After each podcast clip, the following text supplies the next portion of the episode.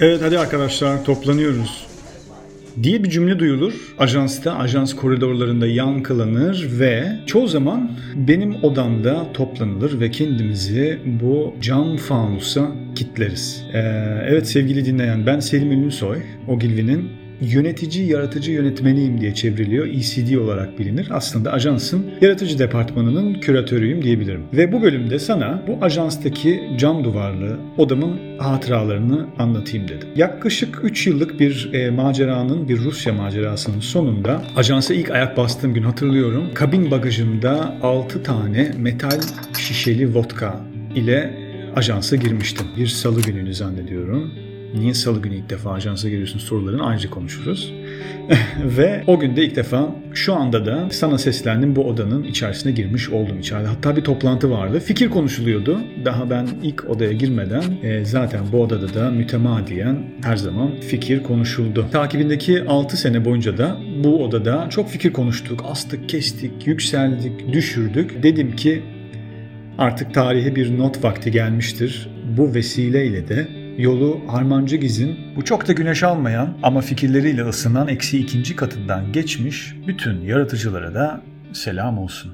Peki bu fikir konuşmak nedir bilir misin? Kulaklarını işgal ettiğim dostum. Bence fikir konuşmak kutsal ayinidir biz reklam işçilerinin. Yani aslında stresi yaratan da ama o yarattığı yaraya merhem olan da e, terapisi de içinde bulunur hakikaten. Toplanırız gireriz odaya. Günün herhangi bir saati maalesef ve birbirine bakan koltuklarda böyle önümüzdeki yorgun deftere emanet edilmiş fikircikleri horoz dövüşüne bir noktada hazırlarız e, zihnimizde. Bazen pimpon olur fikirleri iki kişi oynarız. Skorsuz. Skor tutma yok. Bazen basketbol olur. E, takım oyunudur o gün. Yani fikir konuşuruz. Bir fikrimiz gelir. E, bir de şöyle bir fikir var abimiz. Başka, başka bir de böyle bir fikir var ama deriz. Ama ne oldu? Ama yapıldı o olur. Ee, bazı sincaplar ama Türkiye'de yapıldı mı der ama artık tabii ki öyle bir dünya yok. Uzun süredir yok. Bir fikir bir yerde Papua Yeni Gine'de 2004'te yapıldıysa maalesef o fikir yapılmıştır dostlar. O yüzden kenara konur. İyisini bulana kadar da muhtemelen ebediyen de dans devam eder. Bu bulunduğum ajansa Ogilvy'ye zor brieflerin ajansı payesi biçilmiştir. Müşterileri tarafından e, bize verilmiş bence bir statüstür. O yüzden gururla bir noktada aktarıyorum size. O zor brieflerin beli çoğu zaman bu cam odada bükülür. Yani yorarız biz konuyu gerçekten. Konuş konuş konuş konuş saatler hatta bir ara böyle bir hani çekelim ve müşterilere yollayalım bile e, demişliğim vardır. Arkada nasıl bir iş olduğunu bilsinler diye. Ama ağzından burnundan gireriz çıkarız. Belli zaman çözdük sanırız. Çözülmemiştir. Sonra e, bir daha yatırırız göbek taşına diyorum bu odanın.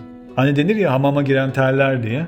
Telleriz evvelallah ama o briefte çözülür. Yani DNA zinciri gibi ya da gece vakti köprü trafiği gibi bir noktada bir noktada çözülür.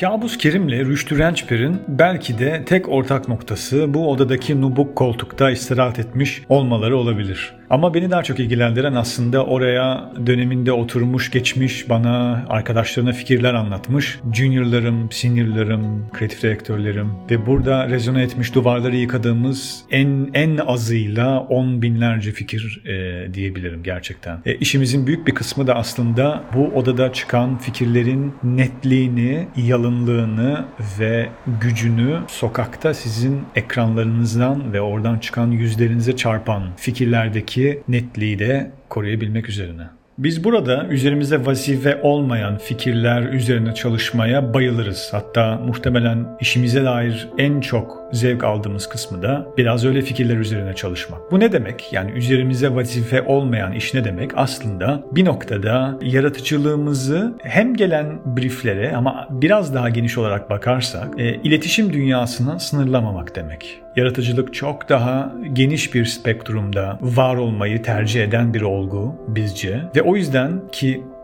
bunu yapabilecek bazı müşterilere sahip olmak hakikaten inanılmaz bence bir mükafat diyeyim. Müşterilerimizin ürünlerine, onların farklı iş problemlerine dair çözümler üretebilmek, briefin ötesine geçmek, onların takımlarına gerçekten entegre olabilmek, belki de ajansta yaptığımız en ulvi iş olabilir. Yani bu iş daha da iyi bir başlık atmak, daha da iyi bir sosyal medya kurgusu yapmak, daha da iyi bir film çekmek, daha da iyi bir tasarım yapmanın ötesinde bir şeyden bahsediyorum. Yaratım bir çıktıysa bunun sonuçta bir beslenme noktası da olması gerekiyor çok doğal olarak. Ve ne yarattığınız çoğu zaman nasıl beslendiğinizle ilgilidir. Tabii ki de organik e, beslenmeden bahsetmiyorum. Çünkü ajansa söylenilen ezogelin çorbalarını ve arkadaki pideleri e, yaratıcı işlere çevirmek çok da basit değil. O yüzden bir noktada tabii ki de beyinlerimizde çok doğru beslememiz gerekiyor. Bu aşikar. Peki e, yaratıcı zihinlerin beslenmesi nasıl olmalı gibi bir başlık açarsak nacizane size önerimi hemen söyleyeyim. Normalde tatmayacağınız, beslenmeyeceğiniz kaynaklardan beslenmeniz özellikle ilerleyen yapay zeka ile hem başa çıkabilmeniz hem de onu iyi kullanabilmeniz için en önemli stratejilerden biri olacaktır. Normalde beslenmeyeceğiniz kaynaklardan beslenmek şöyle demek. Sizin maalesef oyuna bir yapay zeka ile yarışınızda 5-0 ya da 10-0 başlamanızın bir nedeni var. O da bir karakteriniz var.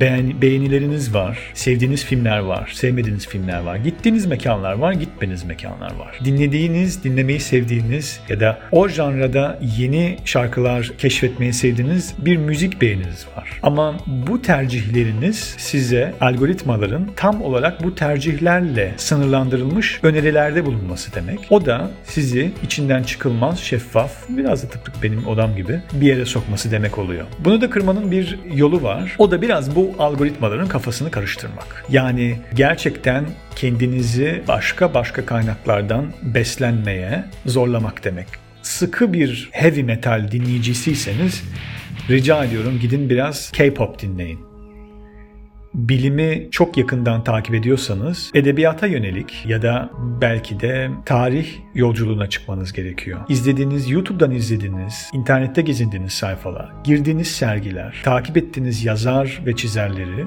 daha çeşitlendirmeniz gerekiyor. Bunu yapmaya başladığınız zaman içeri attığınız datayı yani bunu bir algoritma training yapılması gibi bakarsak bu kendi beyin algoritmanızı çok daha geniş bir kaynaktan besleyip eğitmeniz demek oluyor oluyor. Bu da emin olun içeride bir şekilde çıkarımda o fikri bulmanız gerektiğinde siz hiç efor sarf etmeden beyniniz size hiç tahmin etmeyeceğiniz köşelerden bazı bilgileri alıp önünüze koyacak demek. Bu da daha orijinal perspektifleri masaya koyabilmeniz demek oluyor günün sonunda.